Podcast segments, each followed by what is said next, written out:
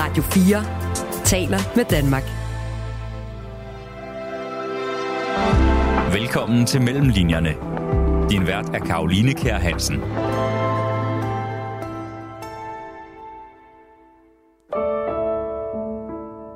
Jeg tror ikke på, ikke en døj på, at der er nogle mennesker, der har været hårdt ramt af stress, som kommer tilbage, og så er det fuldstændig problemfrit. Det er en løbende kamp for at passe på sig selv, og det er det, sådan, jeg har virkelig lært, at, at, at passe på sig selv, det øh, gør ikke livet nemt, men det gør, at man lever, i stedet for bare at overleve. I 2021 blev SF-politiker Jakob Mark sygemeldt med stress. Den tog mit syn, den var med til at give mig alvorlig angstanfald, den gav mig kæbespændinger og fjernede spytten af min mund. I sin nye bog Fart Blind tager han nu bladet fra munden og fortæller om forløbet. Et forløb, der har mange år på banen. Hver gang der var den der stemme i mig, der sagde, ah, det kan jeg ikke helt overskue, så slog jeg det bare ihjel og sagde, nu kører jeg, og så gik det godt. Jeg blev ved med at gå godt. Så tænkte jeg, man kan da ikke være syg, når det går godt. Og det var også et forløb, der var forbundet med en vis skam over for vælgerne. Det var jo nok også en del af, hvorfor jeg synes, det var så svært at skulle indrømme, at jeg var øh, blevet syg med stress. Det var jo fordi, altså nu havde jeg lige i tre år talt om, at vi som samfund skulle have mere ro på. Og det var okay, at man skruede ned. Og imens så blev jeg bare ved med at skrue op. Velkommen til Mellem Linjerne. Mit navn er Karoline Kjær Hansen.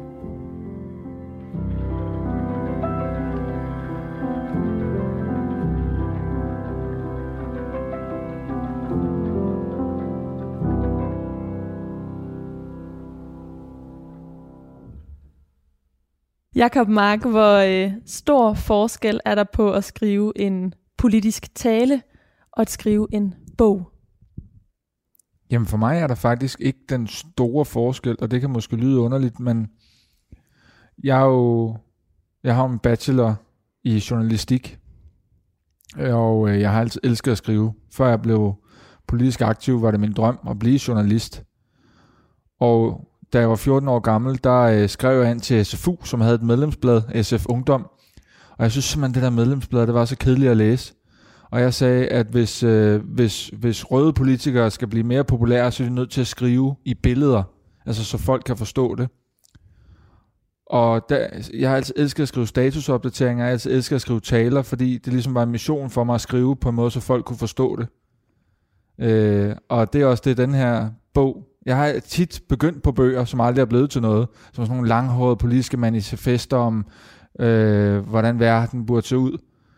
Men det her var lige det, jeg havde lyst til at skrive, for det, det var bare at skrive billeder og historier, og det elsker jeg. Jeg elsker folk, der kan fortælle historier. Mm, men jeg forestiller mig alligevel, at der ligger et noget større arbejde mellem linjerne i den her bog, øh, fordi den er trods alt 250 sider lang, og en politisk tale er jo sjældent øh, så langt. Nu fortalte du lige kort, inden vi gik i gang med interviewet her, at du har indlæst den, og nu ved jeg ikke, hvor lang tid den tager, hvis man lytter til den, men jeg vil i hvert fald skyde på et par timer. Mm. Og det er jo sjældent, du stiller dig på talerstolen og taler øh, i et par timer, så har det ikke alligevel krævet lidt ekstra arbejde fra din side af? Jo, det er klart. Øh, den tog otte timer, øh, og det er noget helt andet på den måde at skrive en bog, fordi altså når jeg skriver en tale, hvis det er sådan en, jeg brænder for, så, øh, så står jeg i badet, eller jeg ligger lige, inden jeg skal sove, eller det er typisk, når jeg er sådan lidt småtræt, så, så får jeg øh, altid de der skøre idéer, og det er der, de bedste taler kommer. Men når du skal skrive en bog, det bruger man mange timer på, og du skal også skrive kapitler, som måske ikke er noget, hvor du skal være top inspireret, men hvor du ligesom bare skal sætte en scene eller forklare noget simpelthen. Du, der, der kan du ikke sidde og være i en eller anden øh, vild øh, inspireret tilstand. Så der, der har, det der, der er trukket tænder ud, synes jeg, det er, at du skal også skrive de ting, der er lidt kedelige at skrive. Mm. Og så har jeg prøvet også at gøre dem sjove, trods alt. Mm. Ja, og så er det jo virkelig en bog, hvor du ikke skåner dig selv, så jeg, jeg formoder også, at den har krævet en vis portion mod at skrive. Ja, altså det, øhm, det, det er måske det mest anderledes ved den her bog, det er, at øh, der er, jo, der er jo flere kapitler, hvor jeg har siddet og skrevet den, hvor jeg så har siddet som er tudet, imens jeg skrev. Og det vil sige om mine egne taler, at jeg kan have det sjovt med det, men jeg skulle aldrig sidde og tudet, mens jeg skrev dem. Men på den måde blev den her bog også lidt min egen lille redning, eller i hvert fald sådan en del af det at blive så rask, som jeg er blevet igen. Øh, fordi når man sidder og skriver, og der lige pludselig går hul på noget, der har gjort rigtig ondt, så tror jeg for det første, det bliver mere tydeligt, hvad, hvad det er, der ligger i hjertet i, i det, man læser. Men for mig blev det meget tydeligt, hvad der var, jeg blev syg af. Og det tror jeg har været rigtig godt for mig. Så det var så nærmest terapeutisk at skrive bogen? Ja, det var det. Mm. Bogen hedder Fartblind. Den øh, udkom i torsdags den 26. januar, og den handler om din tid i Folketinget, hvor du jo med din egen ord har haft fart på. Du har været fartblind øh, gennem alle de syv år, øh, indtil at du blev øh, sygemeldt på grund af stress i syv måneder. Det var fra efteråret 2021 til foråret, eller sommeren 2022. Øh, og vi sidder lige nu det sted, hvor at alle de her ting, som du skriver om, har fundet sted, og som er årsagen til, at du har skrevet den her øh, bog, det er på Christiansborg, og i bogen, der sammenligner du borgen, hvor vi sidder med øh, Hogwarts, altså skolen mm. i, øh, i Harry Potter. Mere bestemt, så sidder vi på dit kontor. Hvordan vil du egentlig lige beskrive det for lytterne kort, før vi går videre? Jamen, det er jo et nyt kontor, forstået på den måde, at jeg har kun haft det siden Folketingsvalget, og jeg er rigtig glad for det her kontor. Det er sådan lidt, det er lidt aflangt og rektangulært med dårligt lys. Der er et stort vindue, som, hvor man kan se ud til borgens parkeringsplads. Til gengæld er der meget plads. Øh, og så er det hyggeligt møbleret, synes jeg. Der er ikke noget at komme billeder og malerier op endnu. Nej, der står sådan nogle plakater nede på, ja, der står øh, noget, der, der, gulvet, der står, som måske skal op og hænge. Velfærd også for småfolk står der på en plakat, og noget med minimumsnummeringer. Det skal op på et tidspunkt, men det gamle kontor, mit gruppeformandskontor, nede i den anden ende, nede i førerbunkeren, som jeg kalder det, hvor presseafdelingen sidder omkring, og kommunikationsafdelingen, der kunne jeg jo sidde og, hele tiden og høre, hvad skete der, og lede og styre alting.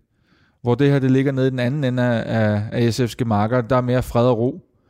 Og på en eller anden måde, så blev det gamle kontor, som jo rummede så mange vilde oplevelser og sejre, men det blev også lidt indbegrebet af noget af stressen for mig. Jeg var der altid. På et tidspunkt så jeg det nærmest som et hjem. Det eneste, jeg ikke kunne, det var, at jeg måtte ikke sove der. Øh, men i den periode sov jeg heller ikke så meget. Nogle gange sov jeg til middag derinde, ikke? så lukkede jeg bare døren og sagde, ikke for, må ikke forstyrres. Hvor det her kontor, det rummer sådan øh, noget nyt og en ny start for mig, så jeg er meget glad for det faktisk. Mm, mm. Og det fortæller jo, eller det vidner jo også om den rejse, du ligesom har været på herinde på borgen, fordi øh, du går i bogen helt tilbage til begyndelsen i 2015, hvor du får noget, du så sammenligner med Harry Potters pulterkammer, et mm. lille bitte øh, kontor, og så har du så haft et større, og nu har du fået et andet, som ligesom kan være en, øh, en frisk øh, start.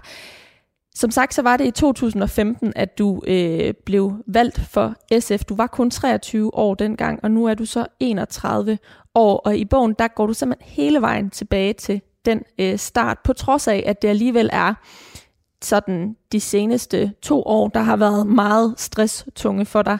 Hvorfor er det, at bogen skal begynde helt ved begyndelsen, så at sige? Hmm. Jeg havde faktisk et lille kontor imellem de to store også her, lige da jeg kom tilbage fra stresssygdommen, det kaldte jeg de sarte sjæles kontor. Poetisk. øh, ja, og det var fordi derinde, der skulle man kunne komme ind, hvis man ikke havde det så godt. Øh, og så til sidst var der simpelthen så mange mennesker, men... Øh, det siger jo også noget om, hvad status er herinde. Ja, det, det, det. Jamen, det er helt crazy. Altså, kontorer herinde, det er jo sådan noget med hierarkier. Altså, det er helt åndssvagt. Men øh, du kan også få møbler alt efter, hvilken post du har i partierne. Men Hvorfor er det vigtigt for mig at gå hele vejen tilbage? Det var fordi, at jeg synes sommetider, at, øh, og det sagde jeg også til Gyldendal, da de tog fat i mig, for de spurgte mig, om jeg ikke ville skrive den her bog. Og de ville gerne have en bog om stress, og jeg sagde, jeg skriver gerne om min stress, og min sygdom, om min langtidssygemelding, om alt det mørke, der var forbundet med det. Det vil jeg gerne, men I skal forstå, og det er det, derfor, jeg går hele vejen tilbage, at de sidste otte år af mit liv forløbet op til jeg blev så syg med stress, har også været et eventyr. Har også været fuld af fantastiske oplevelser, jeg aldrig troede, jeg skulle have. Altså, jeg har rejst i vilde dele af verden, været på besøg i det hvide hus, set flygtningelejre i Jordan, besøgt kontrolkammer øh, militært i Australien, været med til finanslovsforhandlinger, regeringsforhandlinger, øh, fået nogle af Danmarks største personlige stemmetal. Det er bare gået alt for stærkt. Og noget af det, der kom meget bag på mig, det var, at selvfølgelig kan du blive syg og stresset af ting, der går dig på, når der ikke er balance. Men du kan også blive det af ting, som du synes er fantastiske og eventyrlige, fordi der heller ikke er balance. Og for at jeg kunne fortælle den historie, altså både glæden og sorgen, festerne og farverne, men også mørke, så var jeg ligesom nødt til at tage folk med fra starten af, synes jeg. Mm. Men da Gyldendal spurgte, der var din helt umiddelbare reaktion, at det ville du gerne. Du havde ingen tøven. Jo, det havde jeg faktisk. Øh, jeg snakkede med min øh, kæreste Christina om det, og vi var egentlig enige om, at det var nok ikke så god en idé.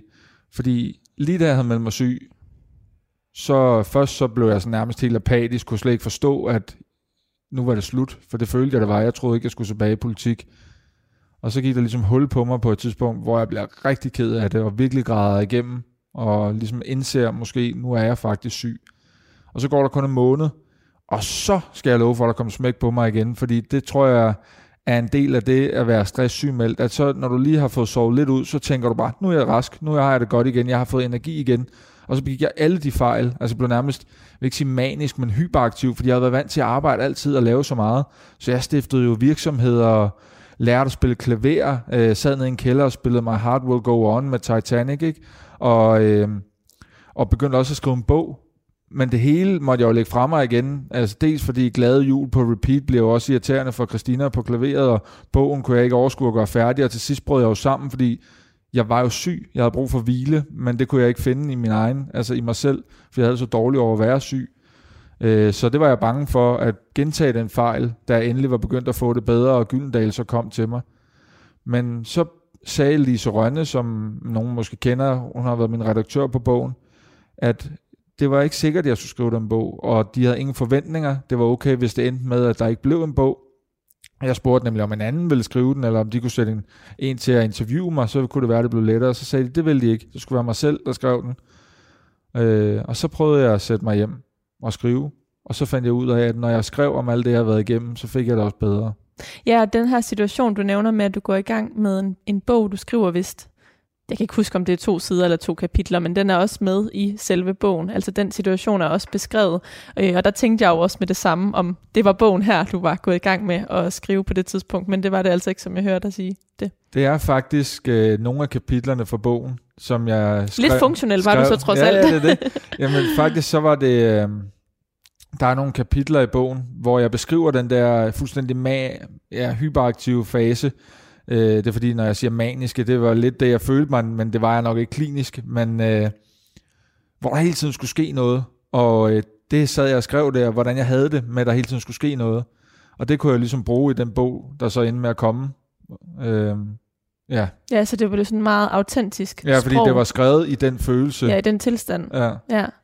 Men nu siger du, at når du gik helt tilbage i begynd- til begyndelsen, så var det fordi, du også havde brug for at f- ligesom få eventyrene øh, med. Men da jeg sad og læste bogen, så fik jeg egentlig en følelse af, at du havde haft rigtig travlt hele tiden. Altså, øh, at faktisk nærmest fra første dag, du træder ind på, øh, på borgen i 2015. Så jeg fik egentlig følelsen af, at det var sådan øh, også på en eller anden måde et tidsbillede af, hvordan det kan være at arbejde på borgen, eller i hvert fald, hvordan det har været at arbejde for dig, som så ung som du også var, altså 23-årig, øh, da du begyndte herinde. Hmm. Det er jo rigtigt, jeg har haft travlt, men hvis jeg bare lige må forklare det med eventyr, så, så tror jeg, at det jeg mener med det er, jeg var jo 23 år. Jeg har aldrig været på borgen før, mere end måske to-tre gange, eller sådan noget. Jeg kendte slet ikke stedet. Så blev jeg valgt nærmest ved et tilfælde. Og jeg tager på Roskilde Festival. Jeg elsker festivaler. Sidder og spiller ølbowling. Og får så ordre om at tage direkte på talerstolen nærmest. Og det går super godt, siger min kollegaer. Og så tager jeg tilbage til Roskilde. Og det er et eventyr for mig, for det havde jeg aldrig regnet med, at mit liv skulle indeholde. Det med både at kunne feste med drengene, og så gå op og så gøre det rigtig godt på Folketingets talerstol. Hvor vildt kan det være? Sådan havde jeg det, da jeg trådte ind. Hvor vildt kan det her blive? Du følte, du havde superkræfter? Jeg følte, at jeg havde superkræfter, øh, og jeg følte også, at de der sommerfugle i maven, den der lille stemme, der sagde, måske har du lidt for travlt, eller måske er det her lidt for vildt. Så hver gang den kom, så det er det, jeg i bogen kalder, så slår jeg sommerfuglene ihjel. Fordi jeg gjorde det jo. Altså, det lykkedes hver eneste gang. Da jeg kom direkte hjem fra en ferie sammen med min fætter, igen var jeg meget ung, og vi havde rejst øh, hele Europa rundt, så da jeg landede i lufthavnen, så spørger News, om jeg ikke kan køre direkte ud i tv-studiet og være med første gang live med mit eget forslag. Der var jeg også skide nervøs, men jeg gjorde det. Og det er egentlig det, jeg også gerne vil vise det der med. Jeg tror, noget af det, der virkelig snørrede mig og snød mig, det var, at hver gang der var den der stemme i mig, der sagde, ah, det kan jeg ikke helt overskue, så slog jeg det bare ihjel og sagde, nu kører jeg, og så gik det godt. Det blev ved med at gå godt. Så tænkte jeg, man kan da ikke være syg, når det går godt. Mm, mm. Lad os lige prøve at høre øh, en lille passage fra øh, begyndelsen. Det er faktisk øh, umiddelbart efter, at du har øh, været på talerstolen øh, som sådan en lille detur fra Roskilde. Øh, og så øh, er der egentlig sommerferie inde på borgen, men du øh, tuller alligevel lidt rundt sammen med en øh, ny praktikant. Som jeg lister rundt på gangene og studerer de historiske SF-plakater, der hænger på væggene, tænker jeg over, hvordan jeg ville reagere, hvis jeg vidste, at det hele det var forbi om fire år. Vil jeg nyde det hele lidt mere? Eller vil jeg skynde mig så meget, at jeg glemte at nyde det? Jeg finder vores landsekretær Jens. Det er ham, der ved, hvilket kontor jeg skal flytte ind i. Og selvom mange rundt omkring mig er triste, så er jeg svært ved at skjule med begejstring over for første gang i mit liv at skulle have mit eget kontor – Øh, du må nok hellere lade være med at virke alt for glad i de her dage, Jakob, siger Jens til mig. Det skal jeg nok, men vis mig nu bare, hvor jeg skal være, Jens. Og på en lille gang bagerst på mellemetagen ligger nogle af Christiansborgs mindste kontorer. Og det, der er mit, det minder mig lidt om Harry Potters pulterkammer under trappen. Rummet er et lille kvadrat, og der er ikke plads til at holde møder derinde. Hvis både et folketingsmedlem og en praktikant skal sidde derinde, ja, så sidder man klemt. Her skal du være, Jacob. Det er ikke så stort, men det kan jo ændre sig en dag. Jeg synes, det ser ud til, at Jens skæver lidt nervøst til mig. Jens, siger jeg. Og han svarer ja. Det her. Det er for fedt.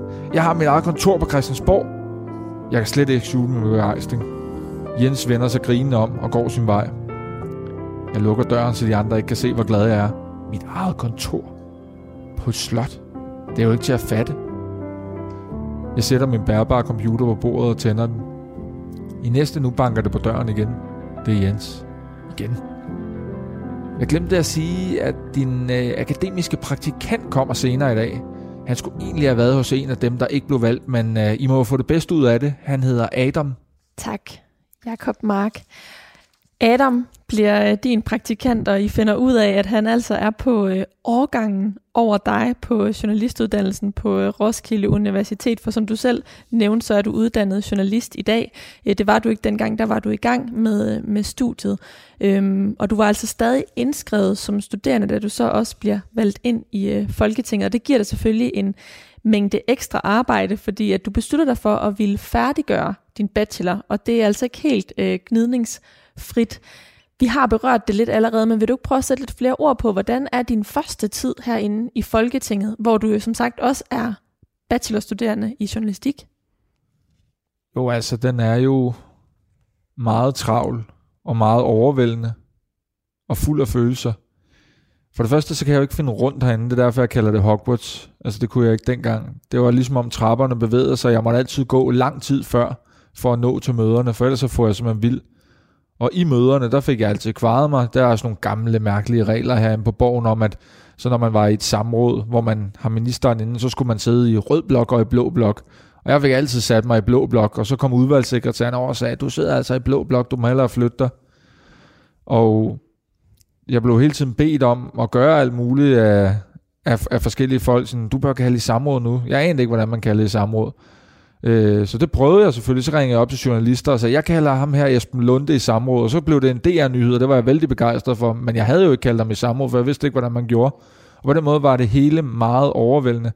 Og så samtidig med det, så havde jeg fået at vide af min formand, hvad der jo nok var klogt, og hvad der i hvert fald også hang i mit hoved, at jeg bør færdiggøre min uddannelse.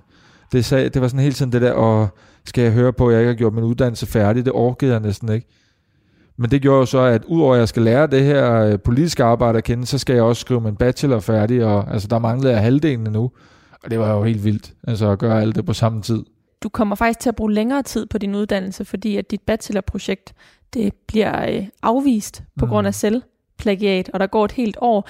Da jeg læste bogen, så følte jeg, at det var faktisk der, hvor du sådan faktisk øh, blev meget presset mm indre, altså inde i dig selv i hvert fald, fordi du havde de her forventninger til dig selv og til det her bachelorprojekt. Og jeg tænker også, at det lyder jo helt vildt at være folketingspolitiker på fuld tid, som formentlig er flere timer end, end fuld tid, og så også være, være studerende. Havde du ikke på noget tidspunkt tænkt, det, det er umuligt, jeg må gå ned i tid et af stederne, eller gribe det anderledes an? Altså, det, der, havde den tanke på nogen måde strejfet dig? Jeg tror da, jeg havde overvejet det, men på det tidspunkt, der tænkte jeg bare, at jeg klør bare på. Altså der havde jeg, havde jeg jo ikke lige nogen planer om at have kæreste eller stifte familie eller noget sådan, så jeg tænkte, nu skal den bare have. Nu tager jeg nogle hårde år her, hvor at jeg prøver at bygge mig selv op, altid at være på i medierne, morgen, middag og aften, alle ugens dage. Så besluttede jeg at skrive det her projekt alene, øh, og jeg besluttede så med mig selv, at okay, noget af den teori, jeg har brugt i et tidligere projekt, den genbruger jeg. Men det var, jeg var fuldstændig sikker på, at det måtte jeg gerne, og jeg skrev det i kildelisten, at det her er altså fra mit eget tidligere projekt. Og så viste det sig, at det måtte jeg ikke. Og det der forbandede projekt blev afvist, og der lige pludselig så hang der sådan en studiesag på mig i et år. Og jeg tror, du har ret, og det er sjovt, det er du den første, der siger, at jeg har efterhånden lavet en del interviews om den her bog. Altså, det var et af de kapitler, hvor jeg græd. Fordi jeg var så ung og umoden på en eller anden måde, at jeg troede, at hvis den sag kom ud, det der med, at jeg havde taget noget tekst fra min eget øh, tidligere projekt, som jeg ikke engang prøvede at skjule, hvis det kom ud, så var jeg færdig, troede jeg. Jeg troede, SF var færdig. Og det gik jeg at tænke på hver dag i et år, indtil den åndssvage sag blev færdig. Mm. Og da jeg blev interviewet de andre gange, og der ikke var nogen, der nævnte den sag, og det gik op for mig, alt det her har særligt været inde i mig selv. Den frygt for, at det skulle gå helt galt for mig og for SF. At jeg ville være ansvarlig for det.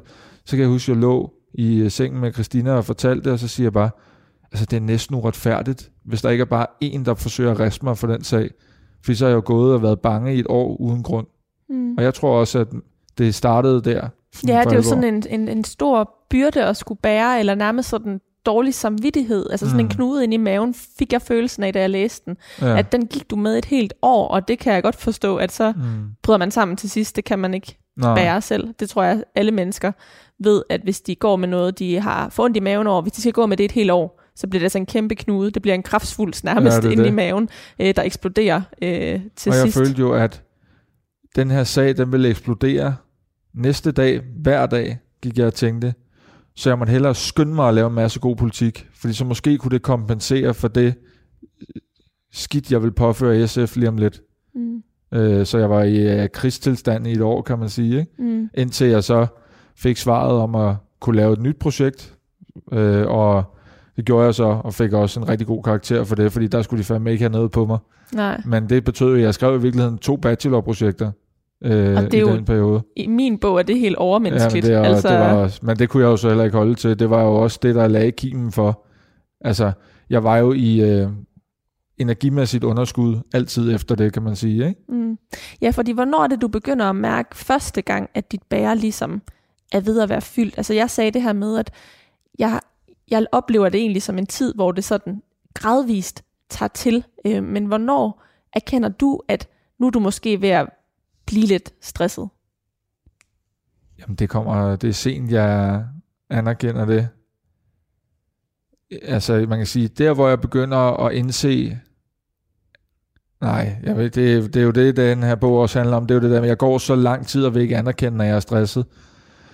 Da jeg i 2018, der, kan man, der er jeg måske et sted, hvor der begynder flere og flere at finde ud af, hvem jeg er som politiker. Måske, måske sidder der nogen og lytter med til, hvad fanden er ham der. Men der var altså flere, der på Facebook øh, begyndte at indse, hvem jeg var, og jeg lavede nogle statusopdateringer, der nåede ud til flere millioner mennesker. Mm. Og det er et års tid efter den her bachelor Ja, det er det nemlig. Så jeg begynder sådan ligesom at få hul igennem på nogle af de dagsordner, jeg brænder for omkring børn og unge, og at det går for stærkt for dem, og at de mistrives. Det er ligesom de første, der rigtig taler om.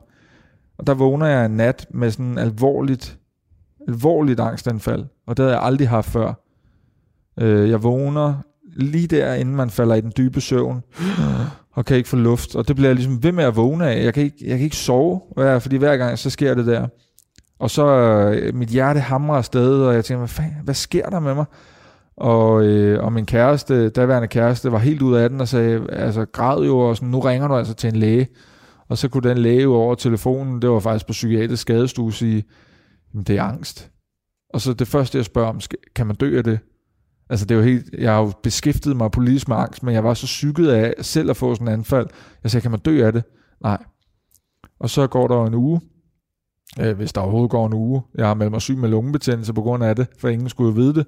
Så går der en uge, så øh, eksploderer der en sag, hvor at regeringen vil logge af lærerne. Øh, og det var en af grundene til, at jeg blev aktiv i politik. Det der med, at jeg synes ikke, man har behandlet lærerne og folkeskolen så godt, og pædagogerne. Og så tænkte jeg, jeg kan jo ikke blive ved med at være syg. Det her angst, jeg ved ikke engang, hvad det er for noget. Øh, det er bare noget, der er kommet. Så stiller jeg mig op på DR2-debatten øh, med to topsocialdemokrater og diskuterede med dem på live tv. I kender nok formatet, ikke? Og så stod jeg der med dødsangst på åben tv og følte, at mit hjerte var ved at gå i stå. Og da jeg kom ud derfra, der var det gået godt. Og så tænkte jeg, nå, det går også. Så fortsætter jeg bare. Så du fortsat på trods af de her symptomer? Ja, fordi hvad skulle jeg gøre? Altså, jeg tror ikke i mit hoved, at jeg sådan rigtig endnu havde indset, at det var på grund af stress. Altså, det var... Jeg, ved- altså, jeg ved ikke, hvad jeg selv tænkte på. Jeg, jo, det ved jeg måske godt, hvis jeg skal være ærlig over for mig selv. Jeg tænkte, hvad er alternativet? Det var det, jeg var... Jeg kunne ikke se alternativet, det var helt åndssvagt, men skulle jeg stoppe nu, hvor det endelig var begyndt at gå godt? Skulle... Hvad med SF? Det var lige begyndt at vende i målingerne. Jeg kunne ikke få mig selv til at stoppe. Og så er det faktisk først, da hele den her sag om minimumsnummeringer, mange måske har hørt om, som på mange måder var min politiske sag, altså det var noget, jeg brugte rigtig meget tid på, da den eksploderer i pressen, og virkelig bliver et valgkampstema, og det så lykkes os at få den igennem i regeringsforhandlingerne. Da den sejr ligesom er igennem, der er jeg færdig. Altså der kan jeg bare mærke, jeg har ikke mere energi. Og hvor, hvor er vi henne der nu, rent øh, årstalsmæssigt? Ja, men der er vi så året efter angstanfaldet i 2019, der skal der være folketingsvalg, og lige op til det valg, altså jeg har brugt overvis på den der sag om minimumsnummeringer, men lige pludselig så, så tænder den der gnist i befolkningen på grund af et dokumentar, der viser, hvor dårlige nummeringer der er ude i daginstitutionerne, demonstrationer i hele landet, og ja, det lykkes som sagt, vi vinder valget og får det skrevet ind i øh, øh, regeringsgrundlaget, jeg får et helt crazy stemmetal, det var sådan nogle vilde Ja, dage. det syvende, syvende højeste i Ja, det er hele det. landet. Ja, ja, det er det. Altså, 23.000 et eller andet, mener jeg, Ja. ja. du skriver i bogen. og fire år for enden, der havde jeg fået 3.000, ikke? og ikke en sjæl vidste, hvem jeg var. Så det var jo sådan en fuldstændig vild tid. Men jeg følte jo bare sådan, jeg skal skaffe de minimumsnummeringer, jeg skal skaffe de minimumsnummeringer, fordi man kan godt tænke om det der 23.213, at det er en gave. Og det var det jo også, for det gjorde, at jeg kunne være med til at forhandle det her igennem, men det var også en kæmpe byrde, fordi jeg tænkte, Øj, jeg skal ikke skuffe alle de mennesker, der nu stoler på mig. Og da det så lykkedes at få det igennem, der var jeg bare sådan, jeg kan ikke mere. Så gik jeg ind på min note på min telefon, og så skrev jeg exit-politik til to år senere. Så begyndte jeg at lægge en exit-plan for, hvordan jeg kunne stoppe, fordi jeg godt vidste, at det her det holder jeg ikke til. Men jeg har stadig ikke indset, at det var på grund af stress. Jeg troede bare, jeg var ved at være kørt lidt død i politik.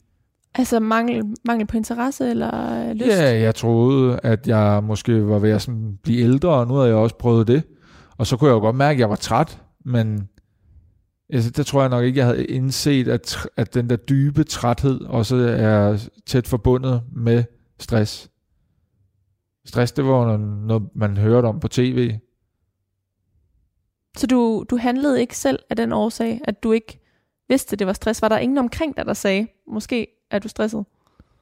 Nej. Og det er jo det vilde ved det her, at i forbindelse med at lave den her bog, så har jeg jo skrevet om de her, altså jeg har skrevet om den situation, hvor jeg står i debatten og tror, at mit hjerte går i stå.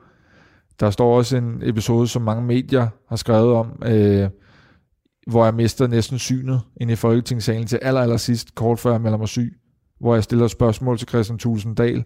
Og der står jeg, om min verden er ved at bryde sammen i begge tilfælde, men man kan ikke se det på mig. Du er en god skuespiller. Ja, hvad var alternativet? Det var det, jeg tænkte dengang. Altså, hvis jeg først øh, ligesom gav efter for det lort, så var jeg jo færdig. Altså, tænkte jeg, så kunne jeg ikke komme igen. Og hvad var der så tilbage? Ikke? Mm. Jeg havde brugt så meget energi på dels at gøre det godt nok, dels være en god nok ven og holde fast i mine venner, dels at prøve at være en okay søn, og dels at prøve at hjælpe SF. Og hvis jeg så lige når det var begyndt at gå godt, gav efter for alt det her, det ville jeg bare næsten ikke kunne holde til, synes jeg. Du lytter til Mellemlinjerne på Radio 4. Du laver så en øh, exit-plan for to år senere, men det er jo ikke en øh, exit, du laver. Det er en, øh, en sygemelding øh, to år øh, senere. Hvad er det, der sker i de øh, to år? Jamen det, der så var min plan, det var egentlig at få de der minimumsnummeringer, som nu var besluttet skulle komme, at få dem godt afsted og godt i gang, øh, sammen med nogle andre ting, gratis psykologhjælp til unge, som jeg også var meget optaget af. Og når det var gjort, når den var vedtaget ved lov, minimumsnummeringer, så ville jeg gå. Øh, jeg vil starte med bare at rejse min vej, hvor jeg selv betalte en overlov, og så undervejs i rejsen, så vil jeg skrive hjem til SF'erne, at øh, jeg kommer ikke igen. Og så havde de ligesom vendet sig til tanken. Det var det brillante idé, jeg synes, jeg havde fået i den note. Øhm, og corona som jo lukker Danmark ned, og som jo på mange måder er fuldstændig frygteligt, øh, da det sker. Men for mig er det faktisk lidt sådan øh, et, et ekstra liv, fordi jeg lige pludselig opdager, at man kan være derhjemme. Man kan have eftermiddag fri. Man behøver ikke arbejde hele tiden. Man kan se dem, man elsker. Og det tror jeg giver mig nok energi til, at da det så åbner igen af to omgange, så er jeg sådan, ah, det er sgu ikke sikkert, at jeg skal gå, og det er da også meget sjovt det her. Men så går der ingen tid, så er jeg træt igen. Fordi det er jo et iPhone-batteri nærmest, der kører på 15%, og så er det nede igen. Ikke? Og øh, da så Danmark permanent åbner op, hvis man kan tale om det, så ender jeg så med at sige til Pia, min formand, hvad der var meget angstprovokerende, at nu vil jeg altså holde en pause efter nytår. Og en uge senere, efter jeg har fortalt hende det, der mister jeg synet stort set. Og fuldstændig udmattet. Kroppen giver bare efter. Og min plan om at gå op og holde den tale til loven om minimumsnummeringer, som kun lå en måned senere, det var bare det, jeg skulle nå. Det måtte jeg sige fra over for en uge inden. En uge inden, efter alle de år. Fordi der kunne jeg ikke mere. Der havde jeg simpelthen bare ikke mere at skyde med. Mm. Hvorfor er det, du mister synet? Der sker det, at fordi jeg har været så stresset i så lang tid, så det, der hedder kortisolniveauet, altså det er sådan et stresshormon, man har i kroppen, det har pumpet så længe i min blodkar, øh, også bag øjnene, at de der bitte små blodkar, der ligger bag nethinden, de begynder at sive. Altså de, de begynder Fordi der simpelthen er for meget blod de i begynder simpelthen at blodbanerne sprække. der. Ja. ja. altså det går, det bum, bum, og så sprækker de lige så stille. Og så siver der lidt væske ud, og lægger sig bag nethinden. Og det er jo helt mikroskopisk, men det gør, det er jo som at stå med en kikkert, og så er der nogen, der hælder vand ned på kikkerten, der, så det bliver sådan sløret. Men det, det desværre også gør, det er, at når det der væske ligger i det der område med nethinden for længe, så smadrer det permanent nerverne. Og det kan briller ikke ændre på. Så dine nerver bliver ødelagt, og du mister synet. Det er det, den sygdom gør. Hvordan føltes det for dig? Jamen i starten var det jo, jeg var sikker på, at jeg skulle have briller. Da jeg sagde til Christina, jeg tror skulle jeg at miste synet, der, der tænkte jeg jo, at jeg skulle have briller.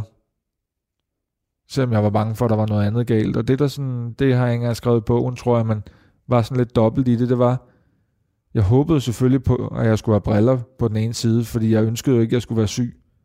Men på den anden side, så var der også en lille del af mig, der håbede på, at der var noget galt med de øjne. Sådan så jeg havde en undskyldning for at gå min vej. Der var jeg så langt ude, at jeg tænkte, hvis man fejler noget med øjnene, så vil folk acceptere, at man går. Så bliver folk ikke så skuffet, som jeg var bange for, at folk skulle blive. Jeg synes, jeg snød folk, når jeg har fået det der stemmetal, og så kunne finde på at melde mig syg. Det var jo at svigte dem. Så da jeg får at vide, at det er det her, der er jeg bare på en eller anden måde også en lille smule lettet. Og det er jo helt sygt at være lettet over at stå til at miste synet. Men det, ja, for det er jo vildt, du er kommet så langt ud. Altså, hvad var det, der gjorde, at du havde så svært ved at gå inden og tage bedre vare på dig selv?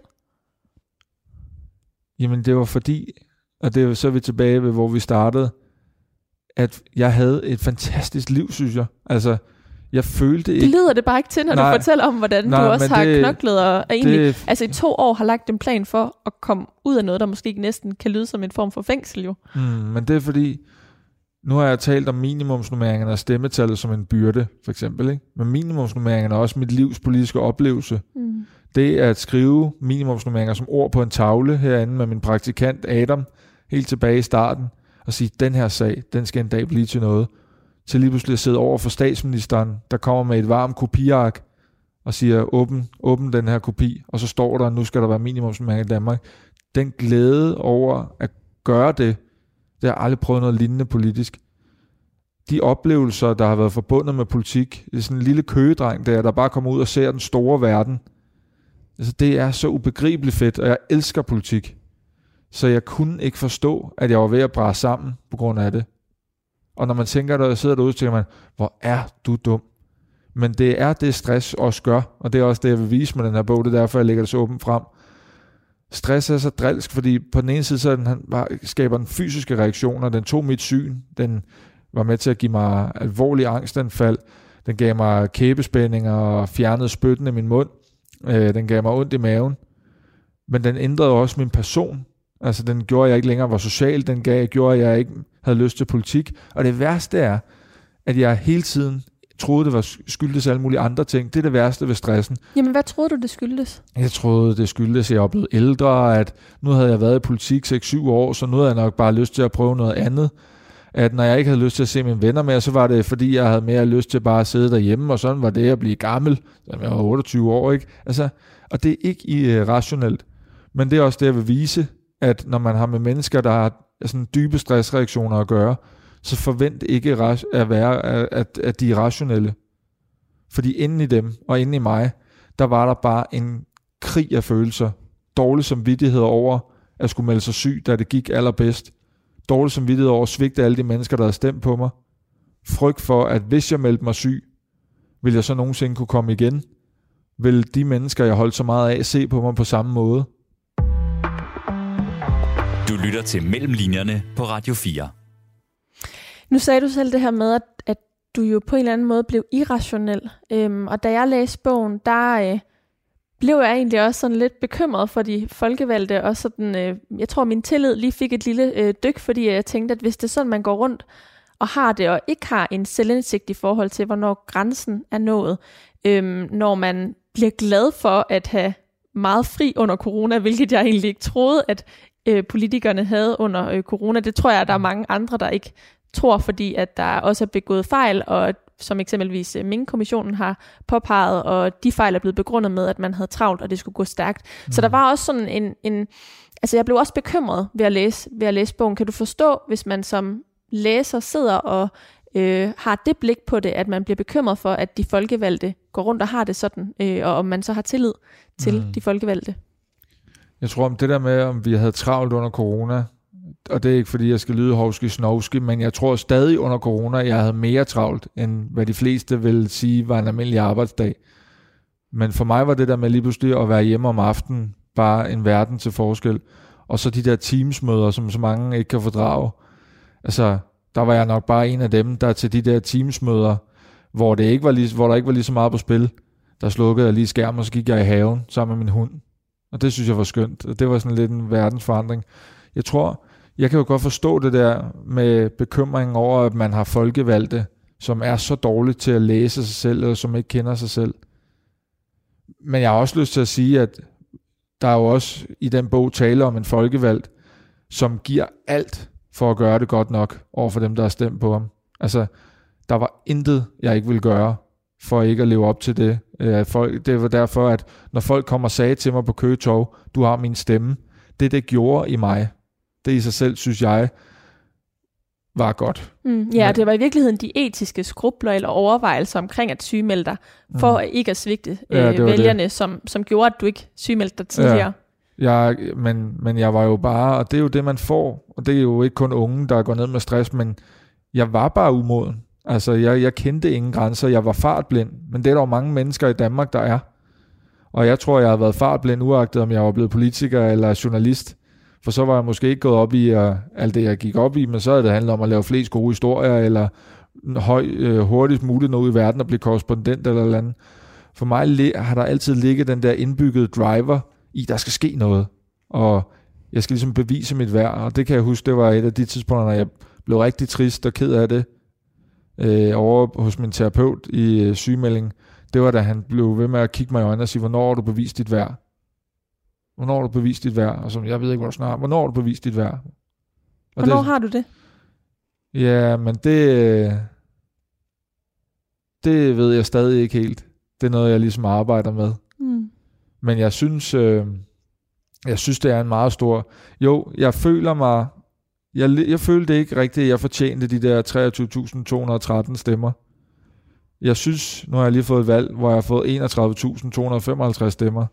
Og det synes jeg, jeg er god nok til at leve op til, selvom det er mange. Altså, jeg har været igennem meget, og jeg har lavet mange politiske resultater. Så jeg tror, nu er det efterhånden mere, hvornår jeg er en god nok ven, og hvornår jeg er en god nok kæreste. Forhåbentlig bliver jeg en dag snart far. Og jeg frygter på den ene side, Nej, på den ene side, så er det min livsdrøm at blive far, men på den anden side, så ved jeg, den der fuldstændig vanvittige følelse af at skulle gøre det godt nok, den kommer jeg nok til at have nogle kampe med mig selv om der. Mm. Men forhåbentlig så har du lært noget Det, nu, kan, som du kan bruge øh, på det øh, stadie af livet. Øh, det kan du være helt sikker på. Jeg også. har, jeg har det bedre, end ja, jeg har haft det i hele mit voksenliv. Mm. Øh, og jeg er meget glad for det, jeg har lært. Og det er også sådan lidt... Jeg kan ikke lide den der historie om, at øh, så var man syg, og så blev man rask, og så var der comeback kit. Det er også derfor, at en del af min afslutning i bogen, den handler om, at jeg fik det skidt igen, da jeg kom tilbage. Og jeg tror ikke på, ikke en døj på, at der er nogle mennesker, der har været hårdt ramt af stress, som kommer tilbage, og så er det fuldstændig problemfrit. Men det er de historier, vi hører i medierne. Mm. Det er en løbende kamp for at passe på sig selv, og det er det, sådan, jeg har virkelig lært, at, at, at passe på sig selv, det øh, gør ikke livet nemt, men det gør, at man lever, i stedet for bare at overleve. Og det synes jeg er dejligt. Det er meget øh, flot sagt, synes jeg. Øh, det tror jeg, der er mange, der bliver glade for at, at høre derude. Men du sagde jo selv det her med, at hvis, hvis du havde lavet noget andet, altså, så ville du måske også være brændt ud, eller været, øh, ha, måtte erkende, at du var, du var fartblind. Og nu er du og jeg en del af samme generation. Rigtig mange af mine kollegaer, venner, bekendte går ned med stress på det her tidspunkt i livet, altså omkring 30 års alderen, og endda før, at der netop er kommet småbørn i hjemmene.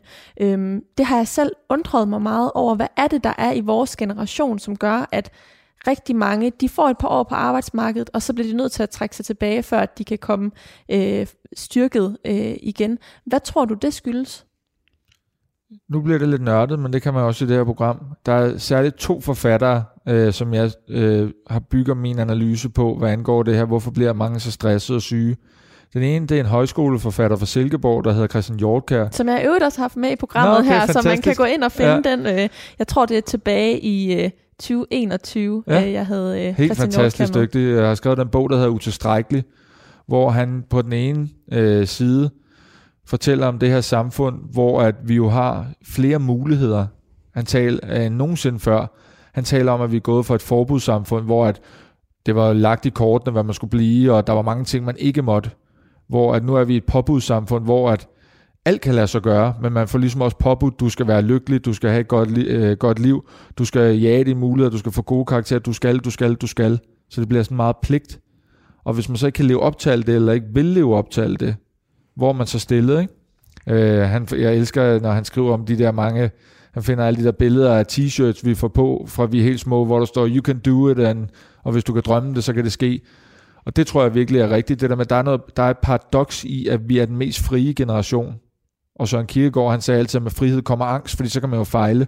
Den anden, det er jo en sociolog, der hedder Harmon Rosa. Han beskriver det her rulletrappesamfund, som er lidt eller det, øh, Christian Hjort kan også tale om, at han taler også om den her fuldstændig, øh, altså at vi er meget frie.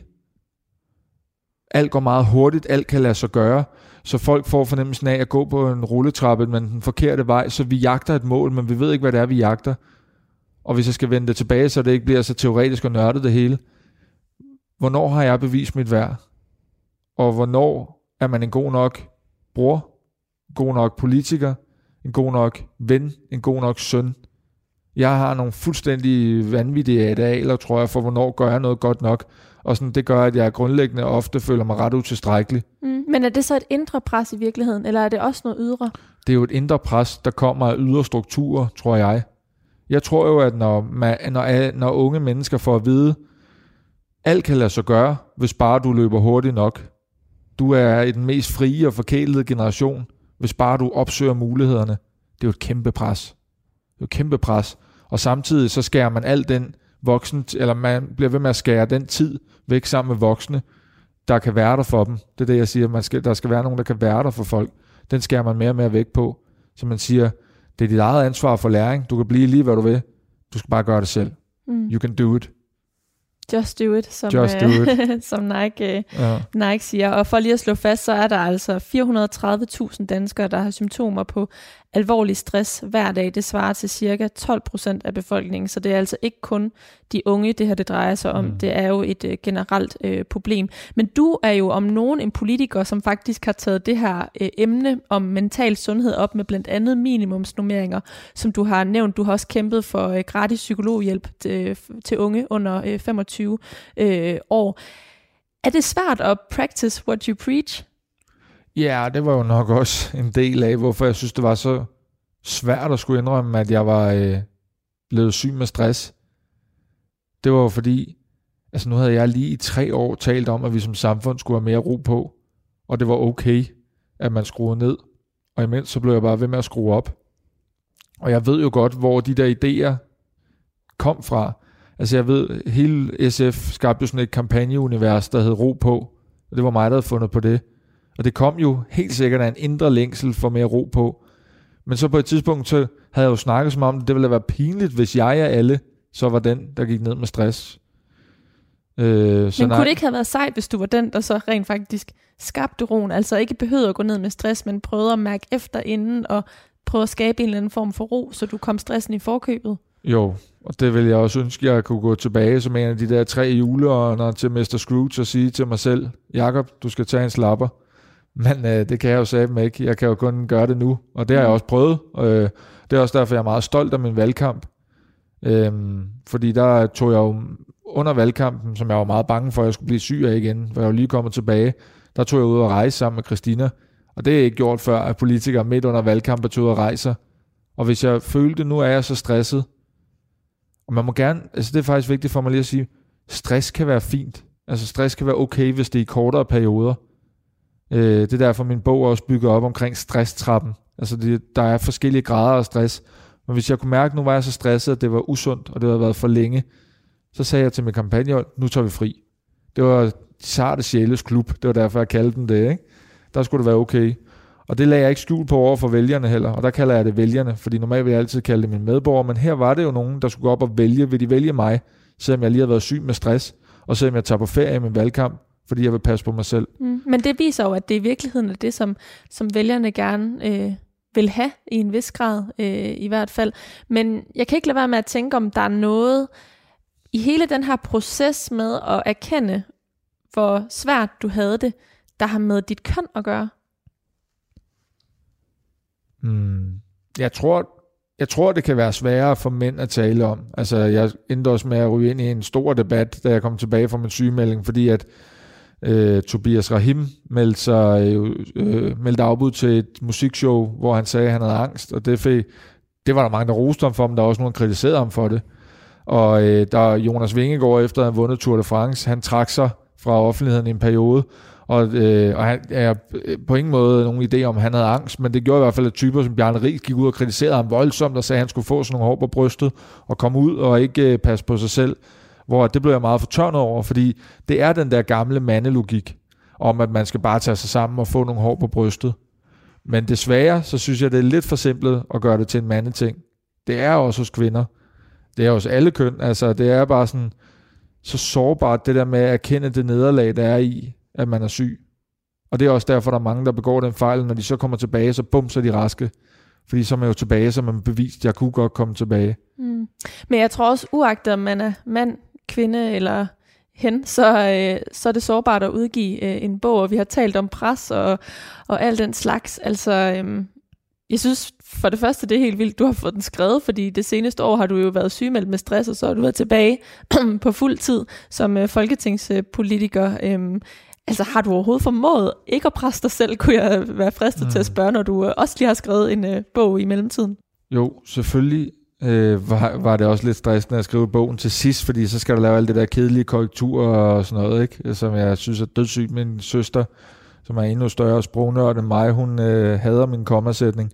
Men det var dejligt for mig at skrive den. Det var rigtigt for mig. Altså det var virkelig meditativt. Men ja, og så måske bare en sidste point omkring det der med at komme tilbage, er, at det er ikke det at lægge sit liv fuldstændigt om, der redder dig fra stress. Altså man kan sagtens arbejde meget. Der, jeg tror, der er nogen, der er også er bange for at blive stresset og være åbne om det, fordi så er de bange for, at det så et helt andet liv, man skal kunne leve? Skal du ikke længere kunne have de der arbejde, hvor du arbejder meget, eller have perioder, hvor du er stresset? Jeg taler om de små aggressioner, altså de små nejer i hverdagen. Vi kender dem alle sammen. De der ting, hvor du får sagt ja til ting, hvor du bare kan mærke i din mave med det samme, det har jeg ikke lyst til. Den aften, hvor du skal ud og spise med en ven, hvor du har mest lyst til at ligge derhjemme, og så bliver det meget pligt at gå ud og spise. Det er, det er der så nok ikke så mange, der kender. Det er interview, hvor det har jeg virkelig ikke brug for. Jeg har brug for at være derhjemme sammen med min hund og Christina. De der små nejer, Det er dem, der gør, at jeg ikke bliver stresset. Mm. Og dem har du lært at øh, sige nu? Ja, og jeg kan godt nogle gange stadig få den der dårlige samvittighed over at give dem. Fordi det er jo ikke sjovt at sige til ens ven, jeg kan alligevel ikke i aften, eller sige til sine kolleger, nej, jeg vil ikke tage den konference for jer, som I har fået sagt ja til, fordi I siger ja til for meget. Det kan godt give dårlig samvittighed, men hvor er det dog rart at have det rart. For lige at slutte ved bogen, så er den jo fuld af scener og detaljer, og øh, jeg kan ikke lade være med at tænke på, hvordan du har genskabt de sidste otte år af dit liv. Øh, det er ret detaljerigt til mm. tider. Øh, hvordan har det arbejde været, og hvad har du brugt af, af dagbøger, øh, andre noter? Jeg ved ikke, hvordan du har bladret din hukommelse, der har været stressramt og måske ret blank til tider. Ja, det, øh, jeg vil ønske, jeg kunne sige, ligesom nogle politikere, at de har dagbøger for alle scener og så videre, ikke? men det har jeg ikke. Men til gengæld har jeg en rigtig god hukommelse. Og det lyder lidt klichéagtigt, men jeg har virkelig en billedlig god hukommelse. Og på den måde, så den her bog indeholder jo, det skal du vide jo, nogle af de vigtigste scener i mit liv. Øh, hvis man har set inderst inden den Disney-film, så kan man tale om core memories. Altså fordi de der kerneminder, der virkelig var vigtige, dem glemmer jeg ikke. Og så en stor tak og det gør til dig, læserne som helt sikkert med. heller ikke, når de har Fartblind bliver læst, udgivet af øh, forlaget Fartblind, Gyldendal og udkom altså tak. i torsdags den 26. januar. Hvis du vil høre flere forfattersamtaler, så husk, at du altid kan finde mange flere af den slags, hvis du søger efter mellem linjerne i Radio 4's app, eller der, hvor du plejer at lytte til podcasts.